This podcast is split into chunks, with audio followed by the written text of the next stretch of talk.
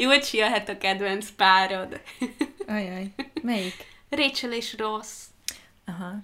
Igen, ez, ez, amikor először láttam, hogy, hogy ezt Viki ide berakta, akkor így azt gondoltam, hogy hm, ma, itt, itt lesz, lesz egy kis konfliktus közöttünk, de az a helyzet, hogy uh, jogos.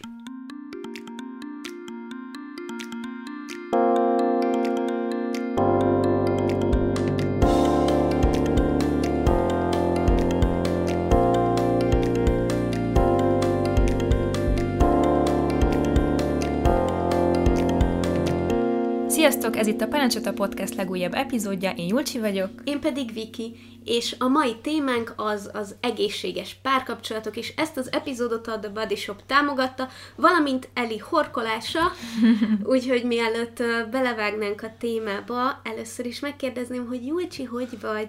Én nagyon örülök, hogy most úgy veszük fel ezt az epizódot, hogy Viki itt van nálunk, és a kanapén kuckózunk itt ketten a kávénkkal, és Eli pedig közöttünk alszik egy pléd alatt, úgyhogy tényleg hallani fogjátok majd a szuszogását.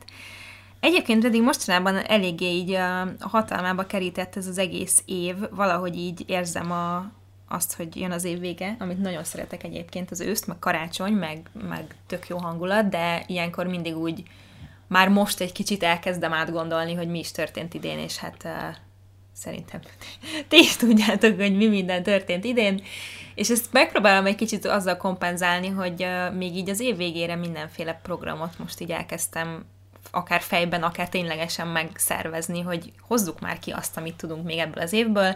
Nyilván mindennel úgy kell számolni, hogy vagy megtörténik, vagy nem, mert bármi lehet.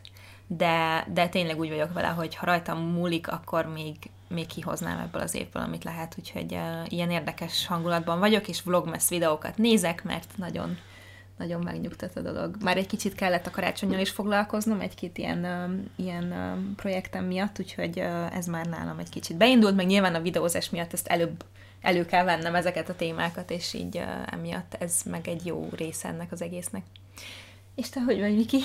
Nagyon vicces, hogy mondtad ezt, a, ezt az év dolgot, mert pont uh, néhány nappal ezelőtt beszélgettünk valami eseményről, és Kaci mondta, hogy mert a tavain mire Viktor így közbevágott, hogy a tavaszira gondolsz, és én így mondtam, hogy abszolút megértem, mert hogy tavasz egyszerre volt tavaly és tegnap. Igen, igen. annyira, annyira káosz érzetre ez az év, hogy nem igaz.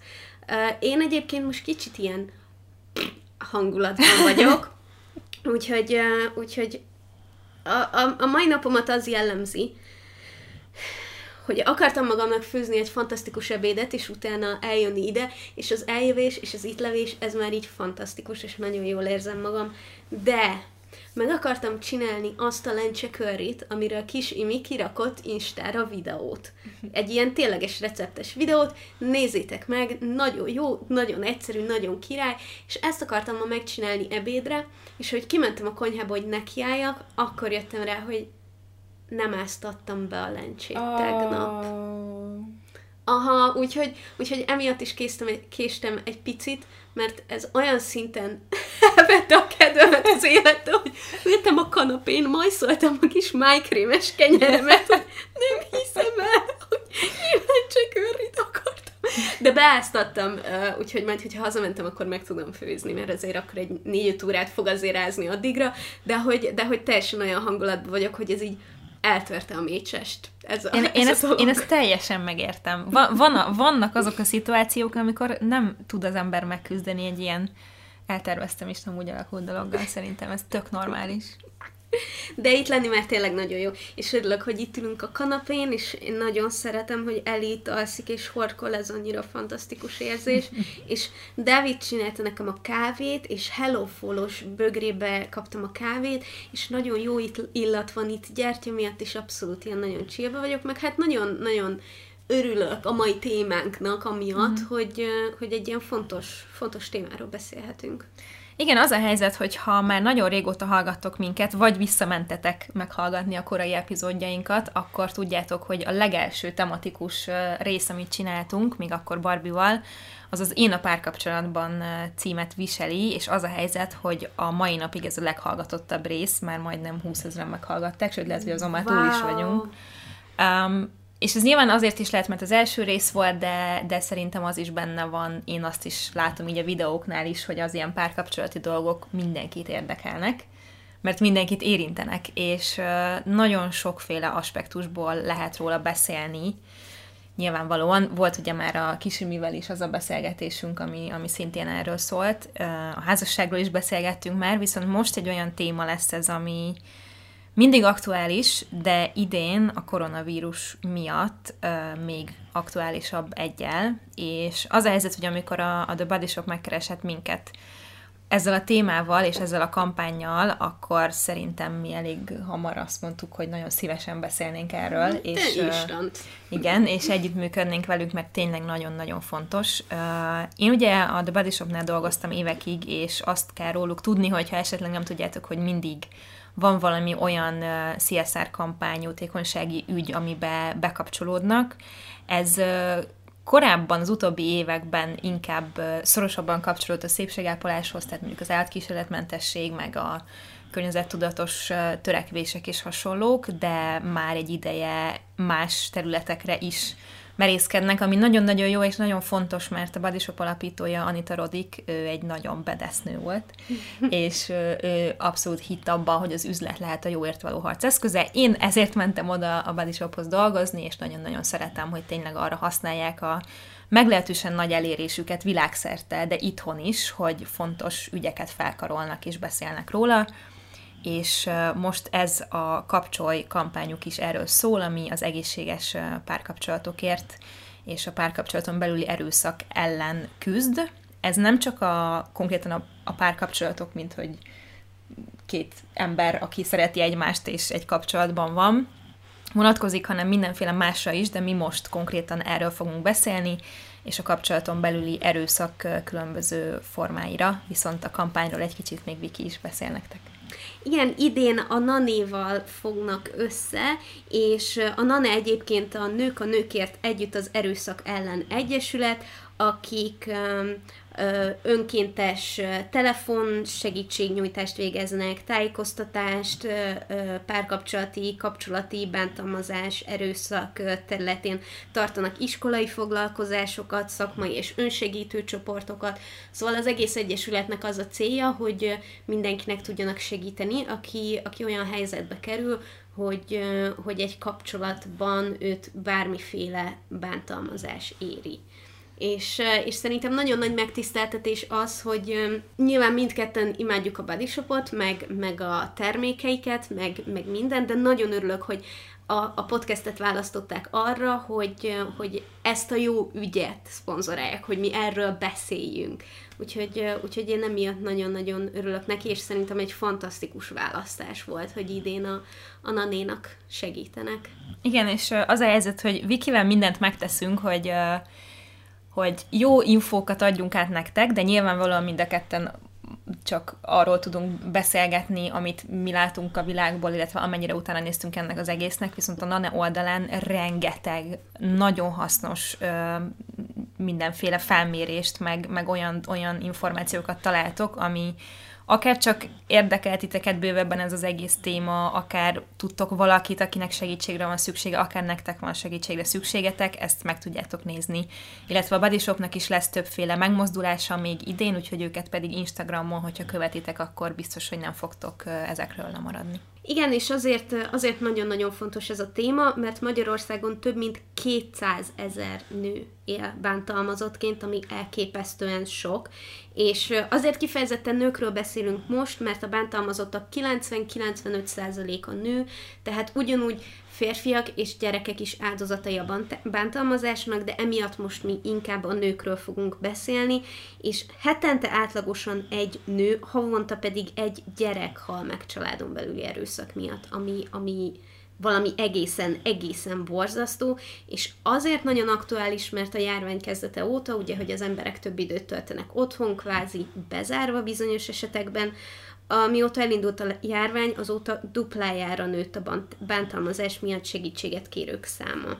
Úgyhogy, úgyhogy ez, egészen, ez egészen elképesztő. Én amikor ezeket olvastam, illetve bármelyik másik kiadványukat a, a Naninak az oldalán, akkor, akkor itt teljesen elszörnyedtem azon, hogy, hogy mi történik. És emiatt is választottuk azt, hogy, hogy beszéljünk erről a témáról, és ahogy Julcsi is mondta, így mi kívülállóként tudunk róla beszélni, um, viszont nagyon fontosnak tartjuk azt, hogy azt mi is el tudjuk mesélni, hogy szerintünk hogyan néz ki egy egészséges párkapcsolat, és mik azok, amiknek piros felkiáltó jeleknek kell lennie.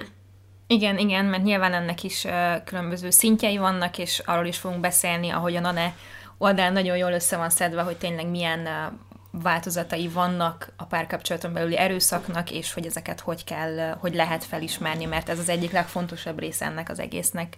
Viszont még annyival kiegészíteném ezt a, a The Body Shopnak a kampányát, hogy most a karácsonyi kampányuk is erről fog szólni, és minden karácsonyi ajándékcsomag megvásárlásával ti is tudjátok támogatni a nanét, ami most konkrétan azt jelenti, hogy minimum 1 millió forintot fognak összegyűjteni a, a szervezetnek az ajándékcsomagok által, és hogyha ez nem jön össze ez az összeg, akkor ezt kipótolják, ha pedig igen, akkor még ennél akár több is lehet, úgyhogy ez egy fantasztikus kezdeményezés tényleg. És én csak ajánlani tudom, hogy vegyétek a karácsonyi ajándékcsomagokat, mert nagyon jók. igen, igen. Beszéljünk akkor arról, hogy mi, nekünk mi a, mik az alapvető gondolataink ezzel az egésszel kapcsolatban, bár szerintem a, a már az a két nagyon fontos fogalom, amit már a, az én a párkapcsolat, vagy amire felépítettük azt az epizódot is talán, az az, az önismeret volt talán a legfontosabb része, meg az önbecsülés, tehát hogy ugye ott is arról beszélgettünk, hogy nagyon fontos, hogy egy párkapcsolatban is megmaradjunk önmagunk, és ne függjünk teljesen a másiktól. Ez egy egészséges kapcsolatban is nyilván mindig egy egyensúly, egyensúlyi helyzet, amit így fenn kell tartani, de hogy ennek a két dolognak a, a lerombolása, vagy a, a hiánya az, ami sokszor jelen van, mm. vagy ami, ami kiválthat egy ilyen szituációt, ami miatt valaki benne ragadhat mondjuk egy, egy bántalmazó párkapcsolatba, úgyhogy szerintem az már nagyon fontos, amit ott is beszéltünk, hogy tényleg úgy tudjon belemenni valaki egy párkapcsolatba, hogy, hogy tudja azt, hogy ki ő, és mire van szüksége. És nyilván ez, ez sosem egy ilyen végletes dolog, hanem ez egy folyamatos munka az, hogy, hogy ez, ez meglegyen, és nagyon más mondjuk 18 évesen belemenni egy kapcsolatba, vagy, vagy 40 évesen. Um, úgyhogy szerintem ezt a kettőt nagyon fontos uh, szem előtt uh, tartani mindig. Én nagyon örülök, hogy megcsináltuk, és tényleg kvázi az első tematikus epizódunk volt az én a párkapcsolatban, mert ott nagyon sokat érintettük, nyilván részleteiben azt, hogy, hogy um, hogyan legyen meg az én idő, a másiknak az én ideje, hogy töltsünk együtt minőségi időt, stb. Nyilván ezt részleteztük, de, de hogy a fő gondolatmenet az az volt, hogy nem egészséges, hogyha két ember egy párkapcsolatban összeolvad, kvázi. Uh-huh. Tehát az, hogy külön, külön két teljesen egészséges ember legyünk, és uh, mi támogassuk és segítsük egymást az életben, ez, ez valahol a, az, ahogy ki kellene néznie egy párkapcsolatnak, és, és abban a pillanatban, hogy ezt megsértjük, és, és a másikat nem segítjük, hanem, hanem korlátozzuk, akár csak az önkifejezésben, önkiteljesedésben is, akkor az, akkor az onnantól fogva nem, egyszerűen nem egészséges szerintem. Igen, és nagyon fontos azért azt is leszögezni, hogy minden párkapcsolatban bántjuk egymást bizonyos időközönként, szóval, hogy szerintem nem létezik olyan párkapcsolat, ahol még az egyik sem bántotta meg soha a másikat, mert hogy emberek vagyunk, és ez, és ez megtörténik. Most ez legyen akár egy veszekedés alkalmával, vagy az egyiknek rossz napja van, és nem kedvesen szól a másikhoz, tehát hogy ez, ez egy létező dolog, de pont ezért is valószínűleg a legnehezebb és az első lépés felismerni azt, hogyha egy ilyen helyzetben vagyunk, vagy valaki, akit ismerünk, esetleg egy ilyen helyzetben van. De a Nane oldalán találtam egy nagyon jó és nagyon ilyen egyszerűen értelmezhető dolgot vagy információt erre vonatkozóan, hogyha ez a fajta bántás, ami jelen van a párkapcsolatban egyirányú, és vagy ciklikus, és vagy fokozódik, akkor ezek nagyjából biztos jelei annak, hogy ez egy bántalmazó párkapcsolat, és nem egy egészséges kapcsolat, ahol néha előfordul az, hogy bántjuk a másikat. Igen, teljesen természetes, hogyha ülök az ágyban szemüvegben, mert egyébként szemüveges vagyok, csak kontaktlencsét hordok, és, és a csávóm megfog egy párnát, és izomból nekem dobja, és én pedig azt kérdezem, hogy hülye vagy? Az nem egy bántalmazó párkapcsolat, bármennyire is benne van, benne van a fizikai bántás, benne van részemről meg a verbális bántás, ezért szerintem az a jó, hogyha mindannyian érezzük, hogy hol vannak ennek a határai. Igen, igen. Hasonlóan ahhoz, mint amit az előző epizódban beszéltünk a szex kapcsán, hogy a pornófilmek meg a romantikus filmek hogy befolyásolják ezt az emberben, és ugye ott mondtuk azt, hogy nem nincsenek szexre oktató filmek vagy anyagok, Ugyanez a helyzet a párkapcsolatoknál is, hogy mindenki a saját tapasztalatai útján tanul ezzel kapcsolatban, és hogyha van valami, amit még nem tapasztaltál meg, akkor azt nehéz, lehet, hogy nehéz eldöntened, hogy ez most normális, ennek így kell működnie, vagy nem. Tehát, hogy szerintem pont azért a párkapcsolatokkal kapcsolatos epizódjaink nagyon hallgatottak,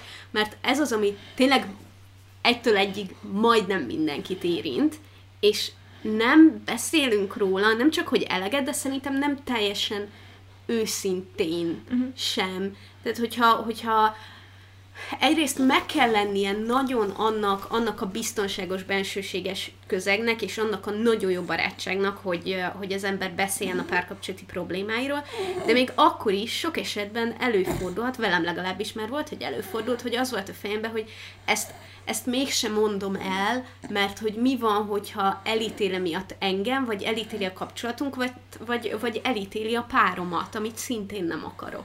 Igen. És szerintem én is nagyon szeretek ilyen témában hallgatni podcasteket, meg beszélgetéseket, mert nagyon kényelmetlen sok esetben erről beszélgetni, és tényleg, amikor valaki megfogalmaz párkapcsolata kapcsolatban olyan dolgokat, amiket én még így mondjuk nem mertem megfogalmazni senkinek, de én is egy olyan szituációban vagyok, akkor így ha, így hatalmas nagy megnyugvás, hogy jó, más is, más is küzd ezekkel a problémákkal.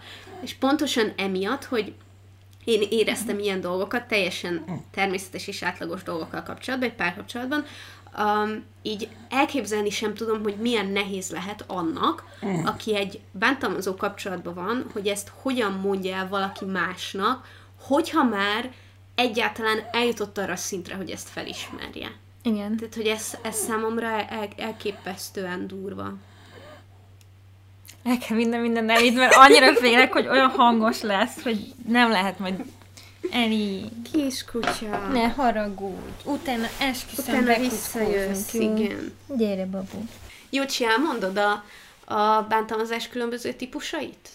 Uh, igen. A NANE anyagaiból uh, szedtük ki ezt is, úgyhogy nálunk nyilván sokkal hosszabban tudtok róla olvasni, de mindenképp fontos szerintem ezeket megkülönböztetni, meg tényleg hallani, hogy jobban a helyére kerüljön a fejekben az, hogy mi mit jelent. Az első a szóbeli erőszak, ami azt jelenti tulajdonképpen, amikor az egyik fél becsmérli a másikat, fenyegeti, sértegeti rendszeresen, a nevetség tárgyává teszi, állandóan kritizálja, vagy pedig egyszerűen csak ingerült vele, és így beszél vele, nem tudom, húzamosabb ideig, vagy ez az egész egy fokozódó dolog. A másik kategória az a lelki erőszak, ami hasonlónak tűnhet ehhez, de itt már inkább az érzelmi zsarolásról van szó, az, hogy kényszerítő kontrollt gyakorol az egyik a másik felett, hogy manipulálja, folyamatosan ellenőrzi, a nagyon túlzott féltékenykedés is ide tartozik, a az, amikor mindenért a másikat hibáztatjuk, vagy amikor konkrétan a másik önbecsülésének a rombolása az, amihez folyamatosan hozzájárulunk a viselkedésünkkel. A testi erőszak egyel magától értetődőbbnek hangzik, de ebben is több minden van, mint ami elsőre eszünkbe jutna. Nyilvánvalóan az ilyen testi erőszakos cselekedetek, mint a pofozás, ütés, rúgás, lögdösödés benne van, de ezen kívül még, amikor a legalapvetőbb jogaitól uh, tagadjuk meg a másikat, vagy a jogait tagadjuk meg a másiknak, például, hogy bezárja valahova, nem engedi enni, inni, tisztálkodni, vagy akár a gyógyszereit szedni a bántalmazó fél, azt, akivel egy párkapcsolatban van, az is ide tartozik. A szexuális erőszak az megint csak egy hasonló, de egyel konkrétabb dolog. A szexuális tevékenységre kényszeríti a másikat, fájdalmat okoz neki, megalázza, illetve a reproduktív jogoknak a korlátozása is ide tartozik, ami például azt jelenti, hogy nem engedi, hogy fogamzásgátlót szedjen a másik, vagy akár a tudta nélkül ő nem védekezik az ellen, hogy egy esetleges nem kívánt terhesség megtörténjen, vagy nyilván akár a nemi betegségeknek a terjedése is ide tartozik.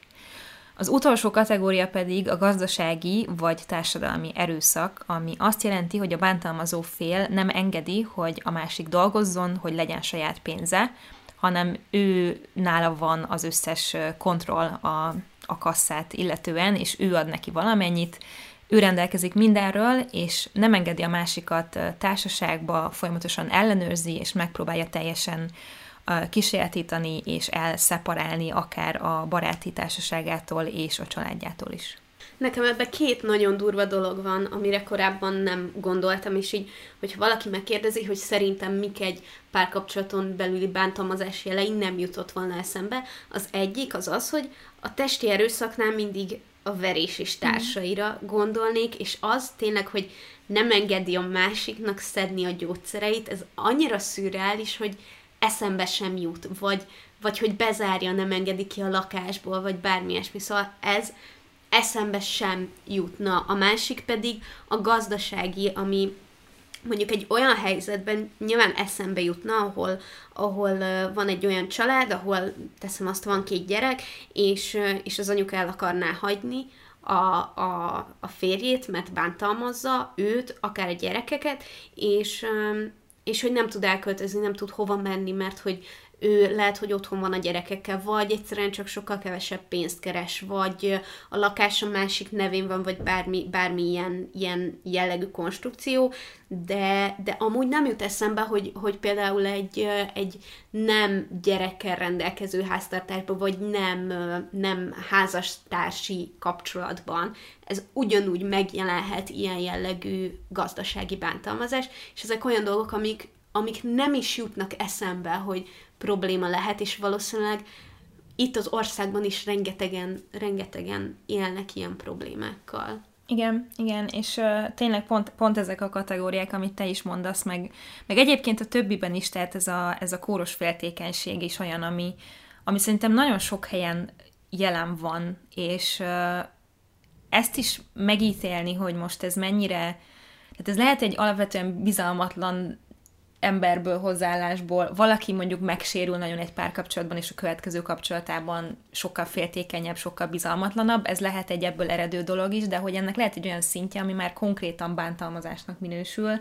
tényleg, hogyha ellenőrizzük a másikat, korlátozzuk az ő, ő szabadságát, és pont az a két kategória, amit te is mondasz, ez így az egészet felolvasva és definiálva, ez úgy hangzik, mintha valakit konkrétan elrabolnának és fogva tartanának, és nem adnának neki enni, meg inni, de hogy nyilván ennek vannak olyan variáció is, el lehet képzelni azt, hogy, hogy nem arról van szó, hogy konkrétan én, én bezárlak a szobába, és nem adok neked enni, de mégis létezhet Igen. ilyen, hogy valaki nem eheti azt, amit szeretne, vagy mert mondjuk diétázásra kényszeríti a másik, tehát hogy, hogy egy csomó olyan variánsa van ennek az egésznek, ami szintén ebbe a kategóriába tartozik, és szintén bántalmazásként lehet uh, rá hivatkozni, vagy hogy fel lehet ezt ismerni benne, csak úgy sokkal nehezebb, hogyha ez nincs ennyire így körvonalazva, meg tényleg nem, nem az a klasszikus um, fogalom van a fejünkben erről, ami a bántalmazás, hogy tényleg valaki veri a másikat, vagy szexuális erőszak áldozatává teszi, vagy bármi ilyesmi, tehát hogy ez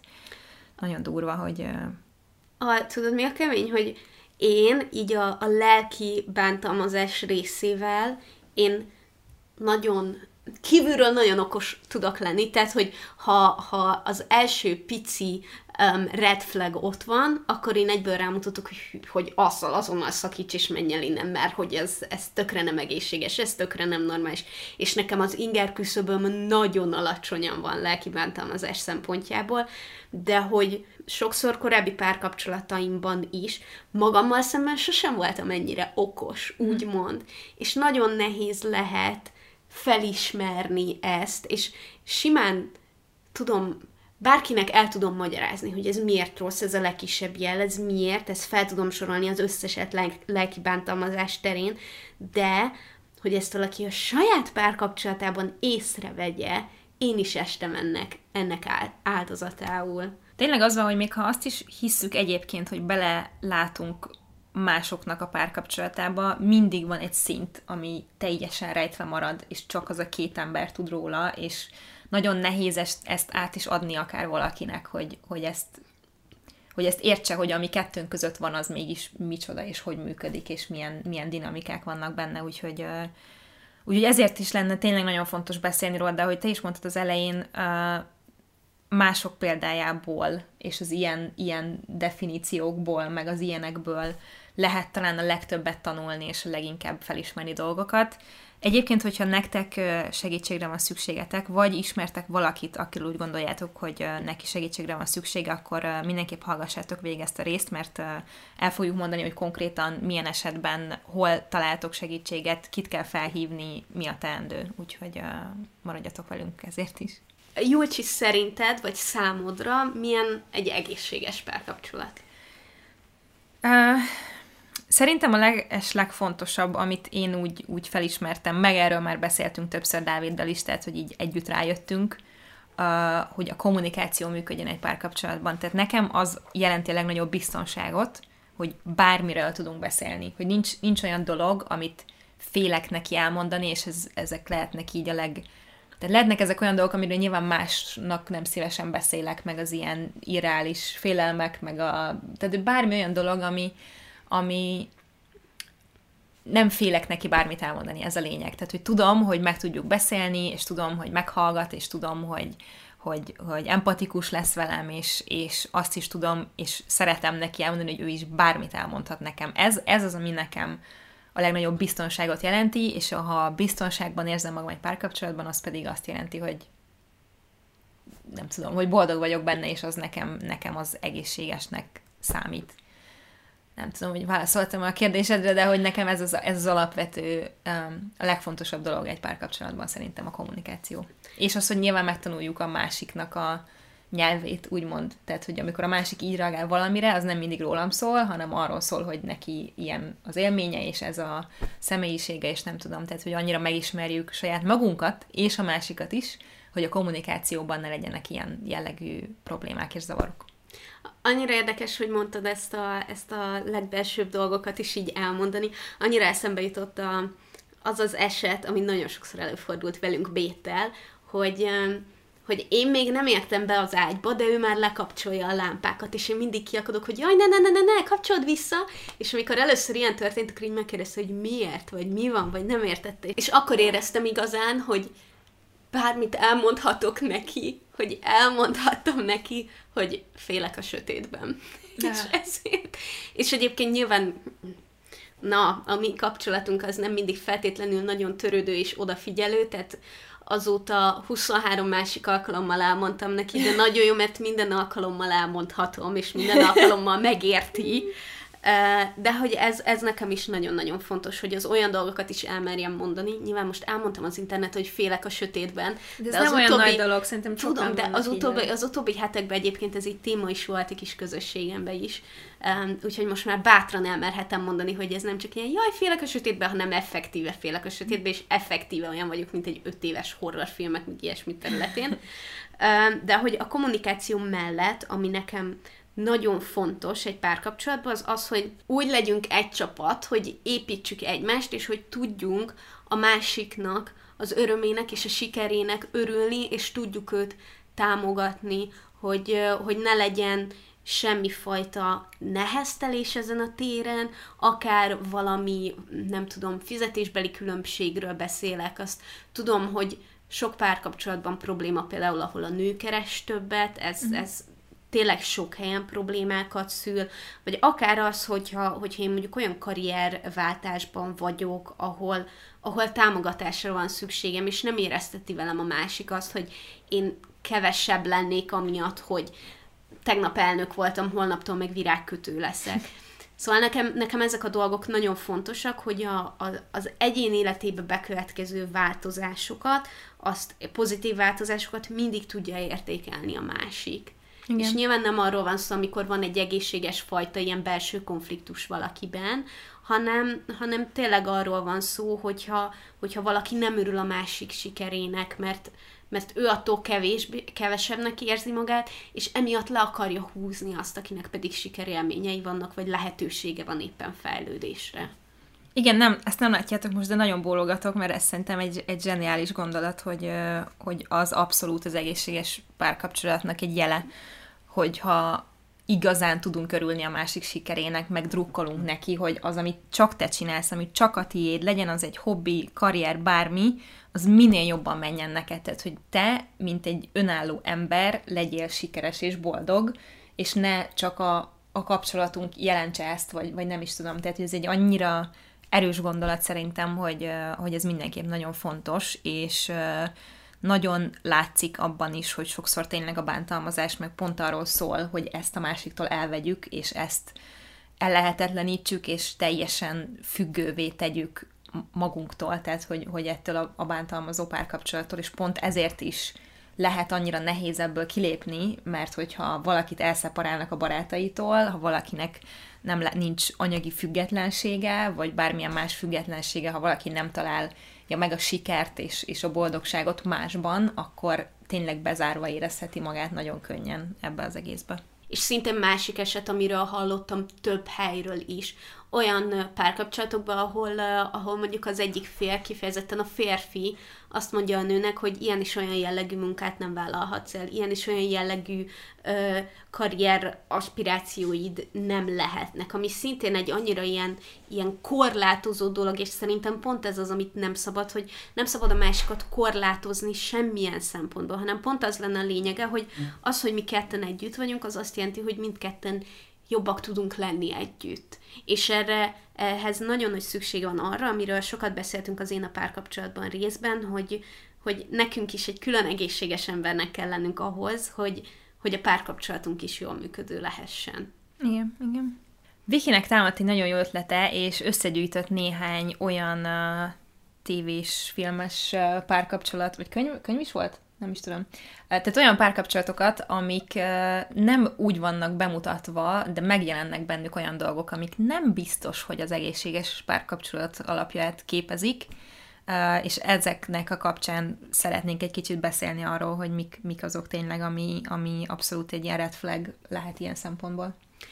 Ami, ami szerintem a te textbook bántalmazás, az egyetemen a You című sorozat, amit én nagyon-nagyon-nagyon szeretek, um, ahol ugye a főszereplő Joe ő, ő, olyan szinten megszállottja Becknek, hogy um, tehát a, a ténylegesen olyan stalker annyira figyeli a, a, az ablakból az utca túloldaláról, a, meglesi a, lecsekolja mindenhol, a követi a, a minden, és egy nyilván spoiler alert, de annak az a vége, hogy konkrétan a pincébe egy szobába be is zárja. Yeah. Szóval ott az, ott az ilyen, ilyen nagyon durván szerintem rengeteg apró jel benne van, és erről, erről jutott eszembe az, hogy ugye ott az üzeneteit meg mindent uh-huh. nézi, hogy te mit gondolsz arról, hogy oké-e valaki másnak megnézni mondjuk az SMS-eit, jó, 2020-ban élünk, a Messenger üzeneteit. Igen, az a helyzet, hogy szerintem itt nagyon-nagyon fontos megkülönböztetni azt, hogy ezt 16 évesen csinálja valaki, vagy jut eszébe, vagy felnőttként, és én úgy gondolom, hogy ez nem kéne, hogy beleférjen egy jól működő párkapcsolatba, és elsősorban azért nem, mert hogyha nem is tudom, ez nyilván a bizalom kérdése, de hogyha én mégis úgy érezném, hogy engem most nagyon értekel, hogy ő miről beszél, nem tudom, akkor megkérdezem tőle. Tehát én, én úgy gondolom, hogy ez még mindig egy, ez is egy kicsit olyan pff, 16-nak érzem magam dolog, hogy most én valamiért aggódom, de inkább megkérdezném tőle, vagy azt mondanám, hogy figyelj, beszéljünk erről, mint hogy oda megyek és elolvasom, és ez nagyon furcsán érintene engem visszafelé is de nem mondom azt, hogy ez nem történik meg a legjobbakkal is, szóval, hogy szerintem ez simán benne van, de az egész más, hogyha ez egy állandó dolog, meg egy, főleg akkor mondjuk, hogyha ez egy mondjuk nem tudom melyik a rosszabb, ez egy teljesen nyílt dolog, hogy most akkor mutasd meg, hogy kivel mit beszéltél, az egy nagyon, nagyon ijesztő gondolat, de nyilván az is, hogyha titokban mindent mindenhol mindenki elolvas, tehát hogy, hogy nekem ez annyira nem fér bele, de, de mondom azért nyilván ennek is vannak szintjei. Nem tudom, te mit gondolsz erről? Én nekem se, nekem se fér bele, tehát ez szerintem a privát szférának konkrétan a megsértése, és nagyon durva, hogy a sorozatban egyébként arra használja néhány esetben Joe, ugye elő, elolvassa Becknek az üzenetét, nem csak az, hogy mással ki mit beszélget, hanem hogy kivel és hol és mikor találkozik, és meglesi, hogy ott, ott tényleg ilyen nagyon-nagyon para dolgok történnek, és szerintem ez is, amikor valaki nem bízik abban, hogy, hogy te hol vagy, és kivel vagy, és mit csinálsz, vagy, vagy egyetlen úgy érzi, hogy neki joga van ezeket tudni, az, az szerintem tökre nem oké. Hogyha, nyilván, hogyha én azt mondom a páromnak, hogy figyelj, hova mész, és mikor jössz, csak hogy tudjam, hogy, hogy tudod, tudjam, hogy nem -e történt valami baj, vagy, mm. vagy kivel vagy, vagy hogyha, hogyha bármi történik, vagy, vagy nem tudom, hogyha fel kell hívjalak, hogy hozzához a WC papírt, vagy, vagy bármi ilyesmi. De, de hogy ennek ott van a másik fel, amikor valaki azért akarja mindezt tudni, és azért nézi ki akár e-mailből, messengerből, bárhonnan, mert, mert olyan szinten bizalmatlan a másikkal, és valahol már ez is így társadalmi, meg szociális szempontból korlátozása mm. szerintem a másiknak. Nem tudom, ez furcsa, mert most pont ezen így belegondoltam, hogy nyilván mi együtt élünk Dáviddal, meg házasok vagyunk évek óta, mi mindig tudjuk, hogy a másik hol van. Nem az, hogy egészen pontosan most éppen hol van, de ha valamelyikünk elmegy itthonról, akkor azt elmondjuk a másiknak, hogy hova megyünk, mert nagyon furcsa lenne, hogyha ez nem így lenne. Felállsz és elmész. Igen, és akkor így, ja, oké. Okay. Tehát, hogy ez egy nagyon természetes része a mi kapcsolatunknak, de nyilván, hogyha valakik nem laknak még együtt, nem tudom, hogy veletek például ez hogy van, hogy azért tudod-e mindig, hogy hol van a másik? Vagy így eszedbe jut-e, hogy, hogy tehát ugye ez általában egy folyamatos uh-huh. kapcsolat az emberek között, még akkor is, hogyha nem élnek együtt, és hogy már az valamilyen problémát sejtethet szerintem, hogyha az egyik nagyon gondolkodik azon, vagy aggódik azon, hogy vajon hol van a másik, uh-huh. mert hogy vagy, vagy tudnod kéne nagyjából, mert ez a természetes rendje a dolgoknak, vagy pedig nem kéne rajta aggódnod, mert miért aggódsz rajta. Érted? Igen, igen, igen, értem. Ez szerintem tök érdekes nálunk. Nálunk abszolút úgy, hogy napközben így meg szoktuk kérdezni egymástól a cseten, hogy mi a mai program, mm. mit csinálsz, stb. stb. Vagy, vagy el szoktuk mondani, hogy ú, ma képzeld, ide megyek, vagy bármi, most például tudja Bét, hogy ide jöttem hozzátok. És, és nyilván vannak ilyen tök adhok dolog, amikor mondjuk ő munka után elmegy sörözni az akármelyik kollégáival, nyilván nem most, de mondjuk amíg normális élet volt. és, és hogy akkor, akkor így, hogy látom, hogy munka után nem érem el, és akkor írok, hogy Mizu, mm. hol vagy, és előbb-utóbb így válaszol, hogy ja, ja, itt vagyok, oké, okay. vagy amikor ő ír nekem bármit nem válaszolok, és ilyen tettetésből hisztizik, de aztán nyilván neki is most már tudja, hogy felmegy a Twitchre, és megnézi, hogy Igen. négy órája sims az interneten, akkor ott vagy. yeah. De, de igen, igen, ez érdekes szerintem olyan, olyan pároknál, akik, akik nem élnek együtt. Valahogy számunkra ilyen teljesen természetes, hogy megosztjuk, hogy ma ide megyek, mert mm-hmm. hogy így elmesélem amúgy is, nem csak azért, tudja, hol vagyok, hanem hogy jaj, képzeld, megyek a Jucsiékhoz, meg mondja, hogy de jó. Igen. Jucsi jöhet a kedvenc párod. Ajaj, melyik? Rachel és Ross. Aha. Igen, ez, ez, amikor először láttam, hogy, hogy ezt Viki ide berakta, akkor így azt gondoltam, hogy hm, ma, itt, itt lesz, lesz egy kis konfliktus közöttünk, de az a helyzet, hogy uh, jogos részben, mert az ő, ő kapcsolatuk tényleg, uh, tényleg van egy olyan aspektus, ami nagyon nem nagyon nem normális, és most nem a szakításban voltunk részről fogunk beszélni, bár az is megér egy misét szerintem. Um, de mondd el te inkább, hogy mi, mi, a, mi volt a gondolatod ezzel kapcsolatban. A, az első az, az teljesen természetes módon a féltékenység. Az, hogy, hogy mit művelt amikor ugye Márkkal elkezdett együtt dolgozni, és aztán barátok lettek, meg Szóval először is az, hogy az első, egyik szakításuk az amiatt következett be, hogy Rossz konkrétan annyira nem tudta feldolgozni azt, hogy Márkkal együtt dolgoznak és barátok, Rachel meg Márk, hogy hogy végül szakítás lett a vége, mert hogy ténylegesen én is már így bemostam volna neki egyet, hogy nem hiszem el, hogy nem érted meg, hogy téged szeretlek, és az a másik meg nem érdekel, úgyhogy akadj már le a témáról.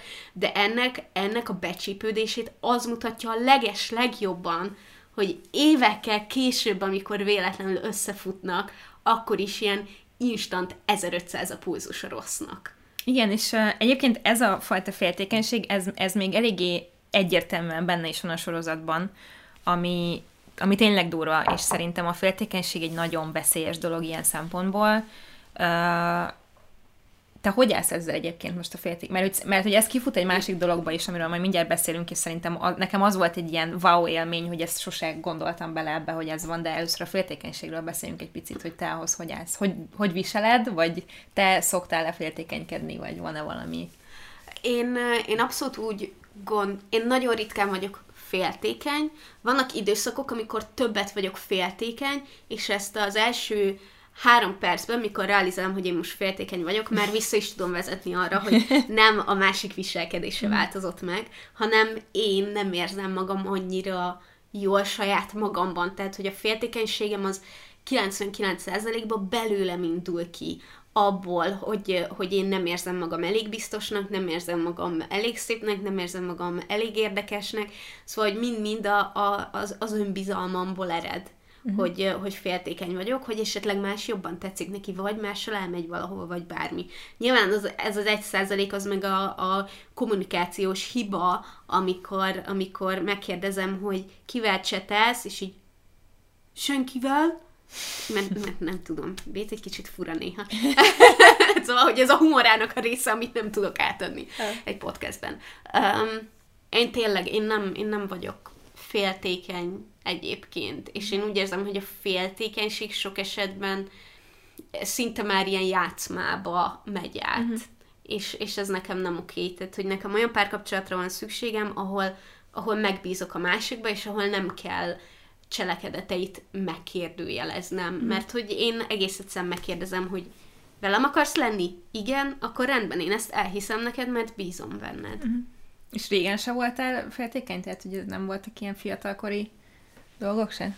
Az az igazság, hogy én mindig nagyon kevésbé voltam féltékeny, mert mindig sokkal több fiú barátom volt, mint lány. Uh-huh. És, és emiatt nekem a másik oldalon se zavart, hogyha, hogyha a fiújaimnak lány barátnői uh-huh. voltak, és hála égnek nem volt nem volt rossz tapasztalatom. Uh-huh. De hogyha Mondjuk egyszer biztos, előfordult hogy... volna, Igen. hogy, hogy megcsal valaki, akkor, akkor ez biztos teljesen, teljesen máshogy lenne. Uh-huh. És valahol azt is gondolom, hogy azért, mert nekem nagy számban fiúbarátaim vannak, hogyha én megkapom a bizalmat a másiktól, akkor én miért nem adnám meg neki ugyanezt a bizalmat. Persze. Ez egy tök logikus. Nem tudom, nekem, uh, nekem egy kicsit ez a féltékenység így az önbizalom hiányhoz is kötődik, meg tényleg a másikban való bizalom hiányából nyilvánvalóan, de hogy ez szerintem sokszor tényleg olyan esetekben fordul elő, hogyha valakinek rossz tapasztalata van ebből a szempontból.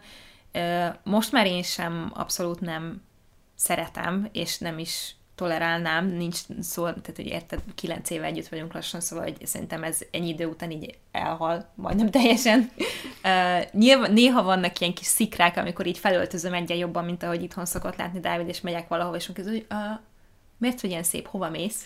De hogy ez így pont ennyi, és akkor így vége van, és nyilván ő se gondolja így komolyan, de hogy mégis azt látom, hogy jaj, de jó, akkor még mindig, még mindig tudok valamit, tehát hogy ez a maximum, ami szerintem vicces lehet, meg aranyos, meg tök jó, de nekem azért régebben sokkal inkább így meg volt ez, tehát hogy én is féltékenyebb voltam, mert egyszerűen nem volt annyi önbizalmam, meg a másikban sem bíztam annyira, meg, meg nem tudom, tehát hogy ez nekem egy kicsit korhoz is kötődik, de szerintem két felnőtt ember között, akik szeretik egymást, ez nem kéne, hogy, hogy jelen legyen.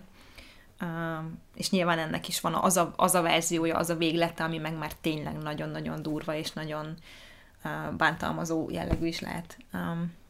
Viszont amire te rávilágítottál nekem rossz és Rachel kapcsolatban, az tényleg az, hogy most lehet, hogy ez a féltékenykedésből eredt az, ahogy rossz viselkedett ekkor, de hogy nagyon durva az, hogy a Rachelnek életében először volt olyan munkája gyakorlatilag, amiben jó volt, sikeres volt, élvezte és önmegvalósított, és ezt olyan szinten próbálta meg tönkretenni a rossz, uh-huh. és nem ez volt az egyetlen alkalom, amikor ezt megtette, mert hogy a sorozatnak a legvégén is, amikor ugye Rachel kapott egy esélyt, hogy elmenjen Párizsba, hmm. és rossz mindent megtett annak érdekében, hogy ne mehessen el, és most lehet, hogy több pénzt szerzett neki az előző munkahelyén, meg jobb pozíciót, meg minden, de hogy ettől függetlenül ezek a dolgok mégiscsak ahhoz adnak hozzá, hogy ő próbálta gátolni az ő sikerét annak érdekében, hogy a Rachel csak neki megmaradjon vele, úgy, ahogy ő van akkor éppen, és ebbe így belegondolni, az nagyon durva.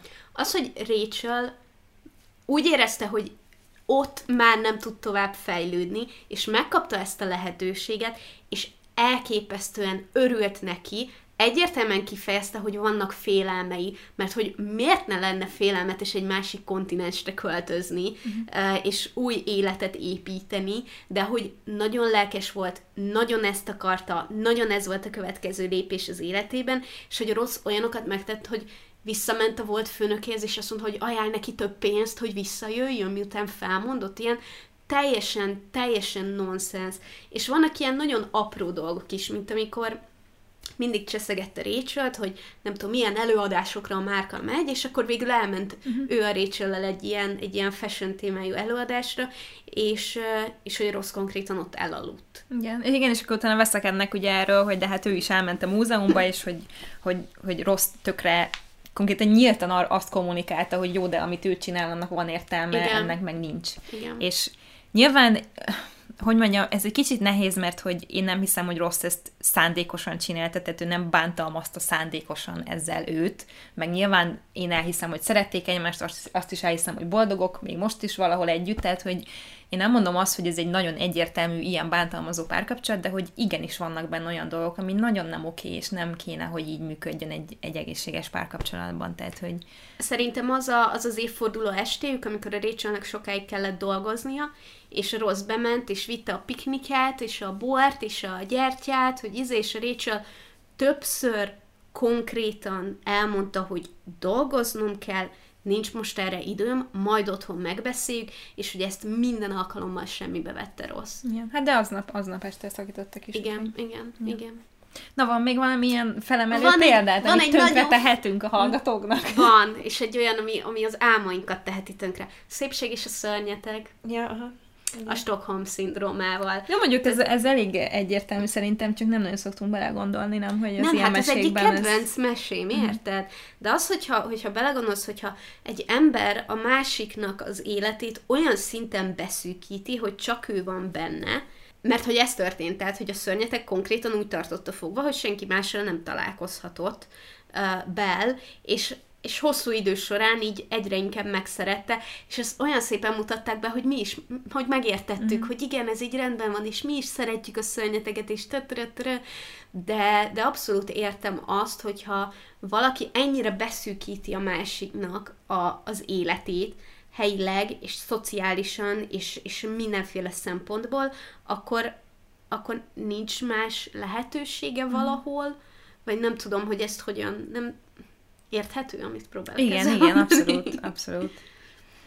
Nem tudom, hát nyilván, nyilván nagyon. erről lehet hosszasan értekezni, de hogy, hogy, hogy én nekem ez, nagyon régen láttam egyébként, és én nem vagyok egy ilyen disney nem vagyok egy Disney hercegnő, de hogy, hogy ez, én arra emlékszem, meg úgy jön le, hogy megsajnálja, és ezáltal megszereti tehát, hogy, hogy nem, nem úgy tekint rá, mint egy, egy bántalmazó valaki, hanem mint egy magányos, jaj, szegény, egyedül igen, van, nincs senkije, meg tudom, én nem is haragszom rá, akkor majd én szeretem dolog, tehát, hogy ez...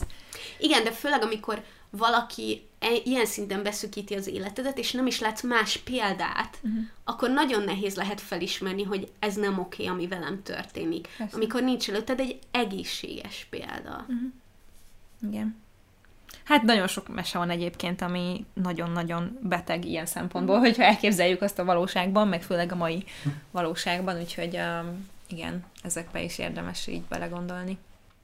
Egy másik ilyen uh, érdekes jelenség egyébként, ami nekem most így úgy van a fejemben, hogy azért ez így gyakran szokott szintén megjelenni sorozatokban vagy filmekben, az, amikor a bántalmazó fél az azt nem úgy ábrázolják, és ugye gyakran ez nem is így néz ki, hogy ő egy mindig gonosz, mindig, mindig nagyon ingerült valaki, hanem, hanem ez egy ilyen ciklikus dolog nála, és így nagyon ilyen hullámhegyek és hullámvölgyek vannak, mint például mondjuk ott inkább völgyek voltak, de a, a Big Little Lies-ban, hogyha láttátok, az egy HBO sorozat, van a Nicole Kidmannek a férje, nem emlékszem a nevükre, és ő az, aki konkrétan bántalmazza többféle módon is ugye a Nicole kidman viszont úgy mutatják be egyébként más jelenetekben, hogy apának nagyon jó.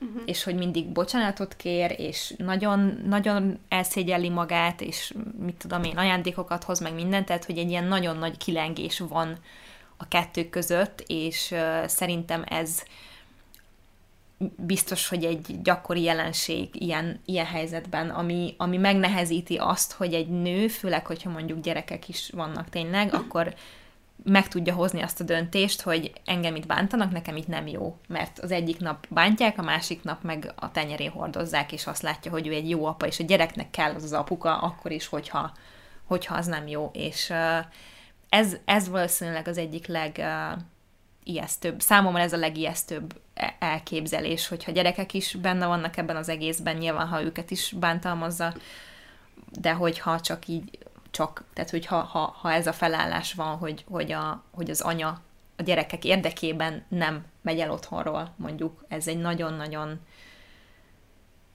borzalmas dolog, amiben így belegondolni is nagyon rossz, de hogy például ezt, ezt, ezt mutatja be ez a, ez a sorozat is részben.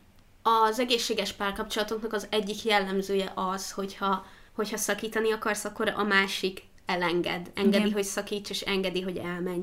És, és ez a ez tipikusan ez a többet nem fog előfordulni, bocsánatot kérek, többet nem fog ilyet csinálni, ez egy egyszeri alkalom volt, és mindig újra és újra és újra megtörténik, és abban a helyzetben lehet a nő, amikor azt mondja, hogy de a gyereknek apára van szüksége, de a gyereknek két szülőre van szüksége, és ott van a másik fele is, amikor, amikor a bántalmazó fél azzal fenyegetőzik, hogy, hogy én nem tudok élni nélküled, mm. én öngyilkos leszek, hogyha elhagy.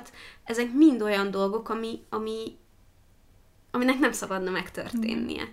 Igen. Az, hogy valaki konkrétan megakadályoz téged ebben, hogy... Hát a szabadságodban konkrétan. Igen, igen. Tehát, hogy szabadon igen, dönthess pontosan. arról, hogy te hogy éled az életed, és, és kivel, és... Igen. A, a Nane oldalán egyébként össze van uh, szedve nagyon sok jó példa az ilyenekre, hogy, uh, hogy milyen indokokkal nem tud valaki kilépni egy ilyen, uh, egy ilyen bántalmazó kapcsolatból. A, vannak, akik például a, a házastársi esküre um, uh-huh. uh, arra térnek vissza folyton és folyton, hogy te ezt bevállaltad, nem mehetsz el, Mármint, nem hogy vallási el. szempontból? Vagy... Igen, igen, Aha. igen hogy addig maradok a felesége, amíg a halál el nem választ, és mhm. ezzel nem hagyom el.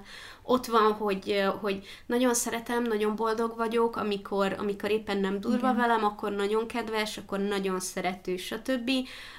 Akkor ott vannak a, a bűntudat, ami abszolút ugye így kialakul, hogyha valakinek leépítik a, az önbecsülését, hogy velem van a hiba, nekem kell javulnom valamiben, Um, persze. érdemlek jobbat például. Igen, igen, igen, igen. Meg természetesen ott van a félelem is, hogy jó, de mi van, hogyha utána mi van, mi van, hogyha, mi van, hogyha bármit csinál velem utána.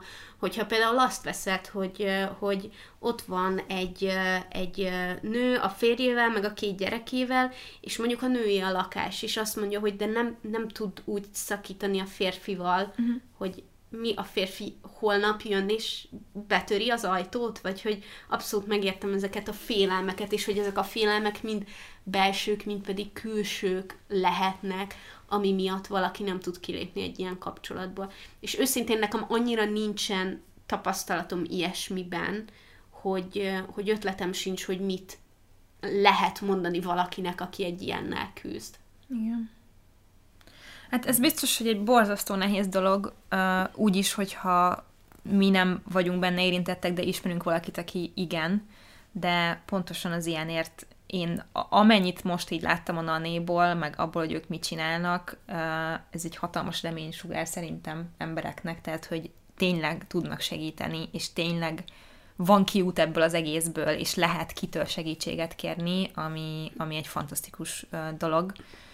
Úgyhogy nagyon reméljük, hogyha ti a hallgatók között van valaki, akit ez tényleg érint, akkor megtaláljátok azt a segítséget, amire szükségetek van. Elmondod, Viki, hogy hol és hogyan lehet ezt kérni? Nagyon fontos tudni, hogy az aklatás és, a, és a, az erőszak, a bántalmazás azt mind-mind törvény bünteti. Tehát, hogy ezek bűncselekmények, és ezt nagyon fontos mindenkinek tudatosítani magában, akivel ilyen történik.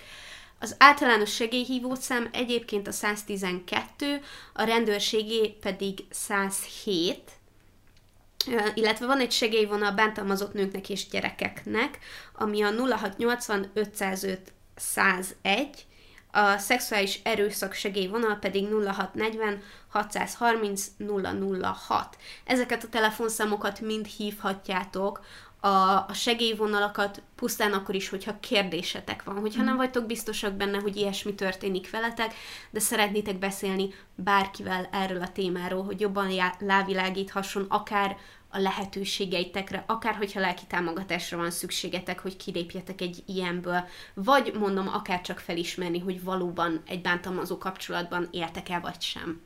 Igen. Úgyhogy bátran, bátran forduljatok segítséget hozzájuk.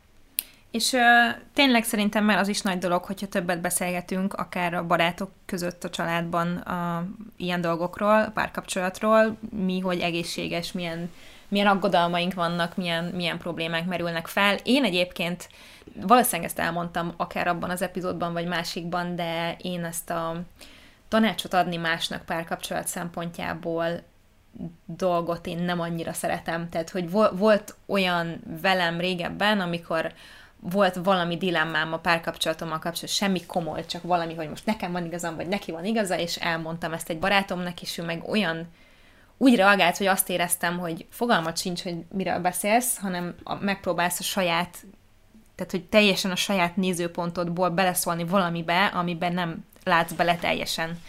És ezért én erre egy kicsit érzékeny vagyok. Mm. De az a helyzet, hogy sose gondoltam bele abba viszont, hogy ez nem akadályozhatja meg azt, hogy merjünk nyíltan beszélni ilyen dolgokról, mert tényleg sokkal könnyebben kiderülhet, hogyha valami tényleg nem oké, okay, akár velünk, akár a másikkal. Úgyhogy Úgyhogy ebben engem egy kicsit most ez megfordított, hogy, hogy igenis, igenis. Nyilván nem jó beleszólni, meg megmondani a tutit a másiknak, mert nem fogjuk látni, de akkor is fontos beszélgetni ilyen dolgokról is.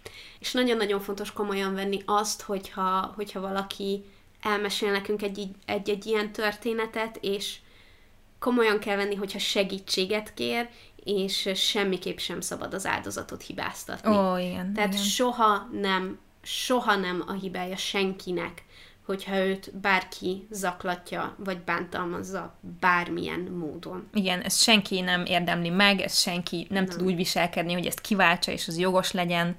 Ez nagyon fontos, és kár, hogy nem mondtuk el már a rész elején, mert, mert ez nagyon-nagyon fontos, hogy soha nem az áldozatnak a hibája, és, és tényleg nagyon komolyan kell venni minden ilyen dolgot.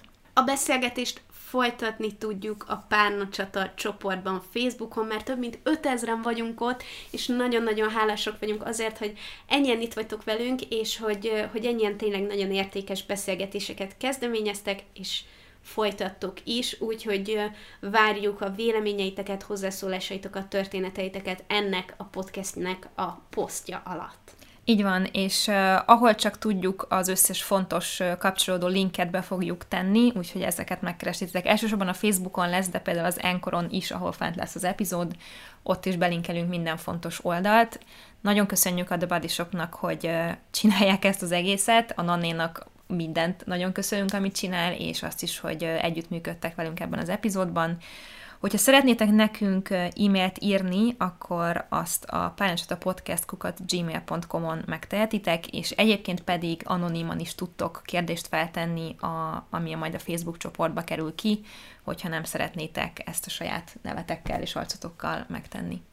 Hogyha pedig szeretnétek támogatni a podcastet, amiért nagyon hálásak vagyunk, akkor megtehetitek a patreon.com per párnacsata oldalon, ahol egy havi kis összeggel tudjátok támogatni a munkánkat, és hogyha elérjük a következő célunkat, akkor akár hetente is tudunk nektek epizódokat készíteni, ami nagyon-nagyon szuper lenne. Ha úgy érzitek, hogy pénzzel nem tudtok, vagy nem szeretnétek minket támogatni, akkor viszont mindenképp osszátok meg valakivel a podcastet, hogyha szerintetek az illető értékelni. Így van. Nagyon köszönjük, hogy itt voltatok velünk, és hamarosan találkozunk egy újabb epizódban. Sziasztok! Sziasztok!